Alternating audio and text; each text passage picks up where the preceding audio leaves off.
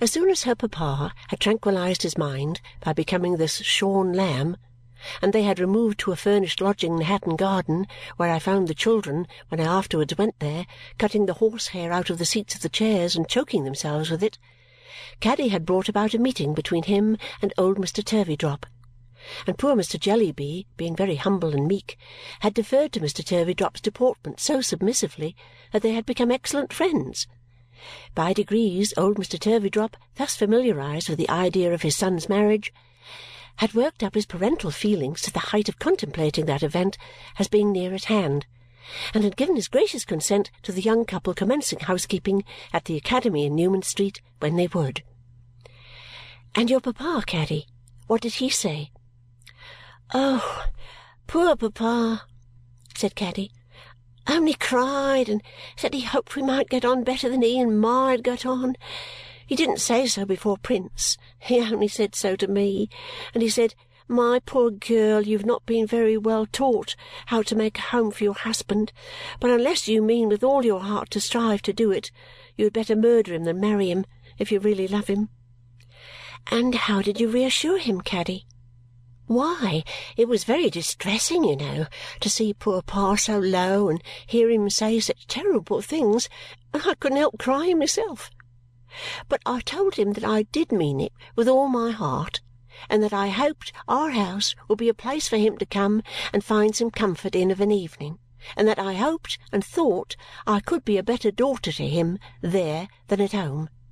Then I mentioned Peepy's coming to stay with me, and then Pa began to cry again and said the children were Indians. "Indians, Caddy?" "Yes," said Caddy. "Wild Indians and Pa said Here she began to sob, poor girl, not at all like the happiest girl in the world that he was sensible the best thing that could happen to them was their being all tomahawked together. Ada suggested that it was comfortable to know that Mr. Jellyby did not mean these destructive sentiments. "No, of course I know Pa wouldn't like his family to be weltering in their blood," said Caddy, "but he means that they are very unfortunate in being Ma's children and that he is very unfortunate in being Ma's husband. And I am sure that's true, though it seems unnatural to say so." I asked Caddy if Mrs. Jellyby knew that her wedding day was fixed. "Oh, you know what Ma is, Esther," she returned. "It's impossible to say whether she knows it or not. She has been told it often enough, and when she is told it she only gives me a placid look as if I was I don't know what a steeple in the distance," said Caddy with a sudden idea. "And then she shakes her head and says, 'Oh, Caddy, Caddy, what a tease you are!' and goes on with the Borrioboola letters." "And about your wardrobe, Caddy?" said I, for she was under no restraint with us. "Well! My dear Esther," she returned, drying her eyes, "I must do the best I can and trust to my dear Prince never to have an unkind remembrance of my coming so shabbily to him. If the question concerned an outfit for Borrioboola, Ma would know all about it and would be quite excited. Being what it is, she neither knows nor cares. Caddy was not at all deficient in natural affection for her mother, but mentioned this with tears as an undeniable fact, which I am afraid it was. We were sorry for the poor dear girl and found so much to admire in the good disposition which had survived under such discouragement that we both at once I mean Ada and I proposed a little scheme that made her perfectly joyful. This was her staying with us for three weeks, my staying with her for one and our all three contriving and cutting out and repairing and sewing and saving and doing the very best we could think of to make the most of her stock. My guardian being as pleased with the idea as Caddy was, we took her home next day to arrange the matter and brought her out again in triumph with her boxes and all the purchases that could be squeezed out of a ten-pound note, which Mr. Jellyby had found in the docks, I suppose, but which he at all events gave her. What my guardian would not have given her if we had encouraged him, it would be difficult to say, but we thought it right to compound for no more than her wedding dress and bonnet. He agreed to this compromise, and if Caddy had ever been happy in her life, she was happy when we sat down to work. She was clumsy enough with her needle, poor girl, and pricked her fingers as much as she had been used to ink them. She could not help reddening a little now and then, partly with the smart and partly with vexation at being able to do no better, but she soon got over that and began to improve rapidly. So day after day she, and my darling, and my little maid Charley, and a milliner out of the town, and I, sat hard at work as pleasantly as possible. Over and above this, Caddy was very anxious to learn housekeeping, as she said. Now, mercy upon us! The idea of her learning housekeeping of a person of my vast experience was such a joke that I laughed and coloured up and fell into a comical confusion when she proposed it. However, I said, Caddy, I am sure you are very welcome to learn anything that you can learn of me, my dear. And I showed her all my books and methods and all my fidgety ways. You would have supposed that I was showing her some wonderful inventions by her study of them, and if you had seen her, whenever I jingled my housekeeping keys, get up and attend me, certainly you might have thought that there never was a greater impostor than I, with a blinder follower than Caddy Jellyby. So what with working and housekeeping, and lessons to Charley, and backgammon in the evening with my guardian, and duets with Ada, the three weeks slipped fast away. Then I went home with Caddy to see what could be done there, and Ada and Charley remained behind to take care of my guardian. When I say I went home with Caddy, I mean to the furnished lodging in Hatton Garden. We went to Newman Street two or three times where preparations were in progress too, a good many, I observed, for enhancing the comforts of old Mr. Turveydrop, and a few for putting the newly married couple away cheaply at the top of the house. But our great point was to make the furnished lodging decent for the wedding breakfast and to imbue Mrs. Jellyby beforehand with some faint sense of the occasion. The latter was the more difficult thing of the two because Mrs. Jellyby and an unwholesome boy occupied the front sitting-room, the back one was a mere closet, and it was littered down with waste paper and Borrioboolan documents, as an untidy stable might be littered with straw. Mrs. Jellyby sat there all day drinking strong coffee, dictating, and holding Borrioboolan interviews by appointment. The unwholesome boy, who seemed to me to be going into a decline, took his meals out of the house. When Mr. Jellyby came home he usually groaned and went down into the kitchen. There he got something to eat if the servant would give him anything, and then, feeling that he was in the way, went out and walked about Hatton Garden in the wet. The poor children scrambled up and tumbled down the house as they had always been accustomed to do. The production of these devoted little sacrifices in any presentable condition being quite out of the question at a week's notice, I proposed to Caddy that we should make them as happy as we could on her marriage morning in the attic where they all slept, and should confine our greatest efforts to her mamma and her mamma's room and a clean breakfast. In truth, Mrs. Jellyby required a good deal of attention, the lattice-work up her back having widened considerably since I first knew her, and her hair looking like the mane of a dustman's horse. Thinking that the display of Caddy's wardrobe would be the best means of approaching the subject, I invited Mrs. Jellyby to come and look at it spread out on Caddy's bed in the evening after the unwholesome boy was gone. "My dear Miss Summerson," said she, rising from her desk with her usual sweetness of temper.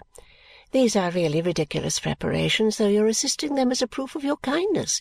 There is something so inexpressibly absurd to me in the idea of Caddy being married. Oh, Caddy, you silly, silly, silly puss!" She came upstairs with us notwithstanding and looked at the clothes in her customary far-off manner. They suggested one distinct idea to her, for she said with her placid smile and shaking her head, "My good Miss Summerson, at half the cost this weak child might have been equipped for Africa.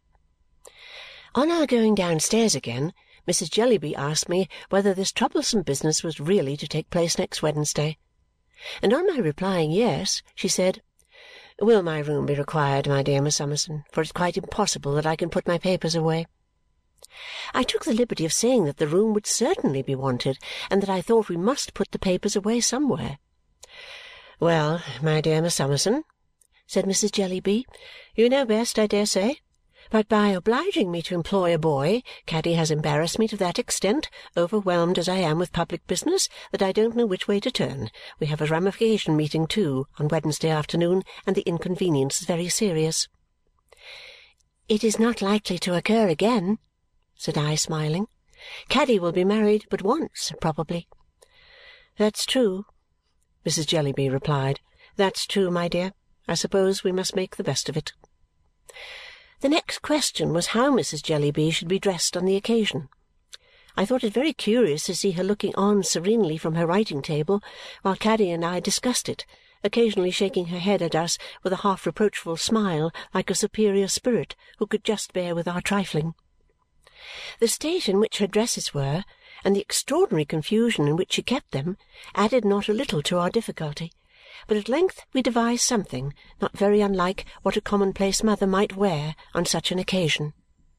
The abstracted manner in which Mrs. Jellyby would deliver herself up to having this attire tried on by the dressmaker, and the sweetness with which she would then observe to me how sorry she was that I had not turned my thoughts to Africa, were consistent with the rest of her behaviour.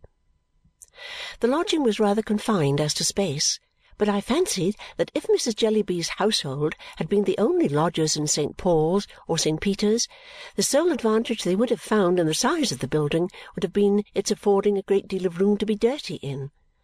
I believe that nothing belonging to the family which it had been possible to break was unbroken at the time of those preparations for Caddy's marriage, that nothing which it had been possible to spoil in any way was unspoilt, and that no domestic object which was capable of collecting dirt from a dear child's knee to the door-plate was without as much dirt as could well accumulate upon it.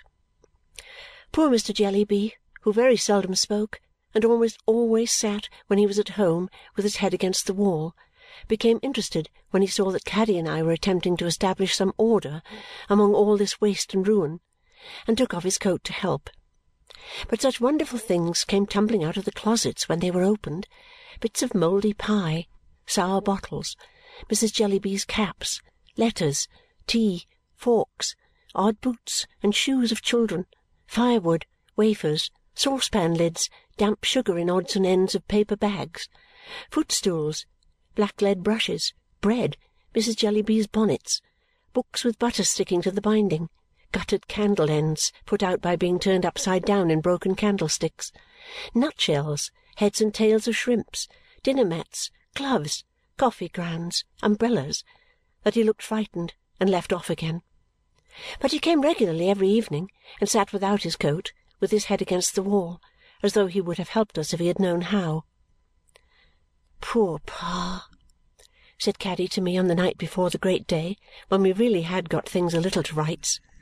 "It seems unkind to leave him, Esther, but what could I do if I stayed? Since I first knew you I have tidied and tidied over and over again, but it's useless. Ma and Africa together upset the whole house directly. We never have a servant who don't drink. Ma's ruinous to everything." Mr. Jellyby could not hear what she said, but he seemed very low indeed and shed tears, I thought. "My heart aches for him, that it does," sobbed Caddy. I can't help thinking to-night, Esther, how dearly I hoped to be happy with Prince, and how dearly Pa hoped, I dare say, to be happy with Ma. What a disappointed life!" "My dear Caddy," said Mr. Jellyby, looking slowly round from the whale. It was the first time, I think, I ever heard him say three words together. "Yes, Pa!" Cried Caddy, going to him and embracing him affectionately. "My dear Caddy," said Mr. Jellyby, "never have "Not Prince, Pa?" faltered Caddy. "Not have Prince?" "Yes, my dear," said Mr. Jellyby. "Have him, certainly, but never have I mentioned in my account of our first visit in Thavies Inn that Richard described Mr. Jellyby as frequently opening his mouth after dinner without saying anything. It was a habit of his. He opened his mouth now a great many times and shook his head in a melancholy manner. "What do you wish me not to have?" "Don't have what, dear Pa?" asked Caddy, coaxing him with her arms round his neck. Never have a mission, my dear child. Mr. Jellyby groaned and laid his head against the wall again, and this was the only time I ever heard him make any approach to expressing his sentiments on the Borrioboolan question. I suppose he had been more talkative and lively once, but he seemed to have been completely exhausted long before I knew him.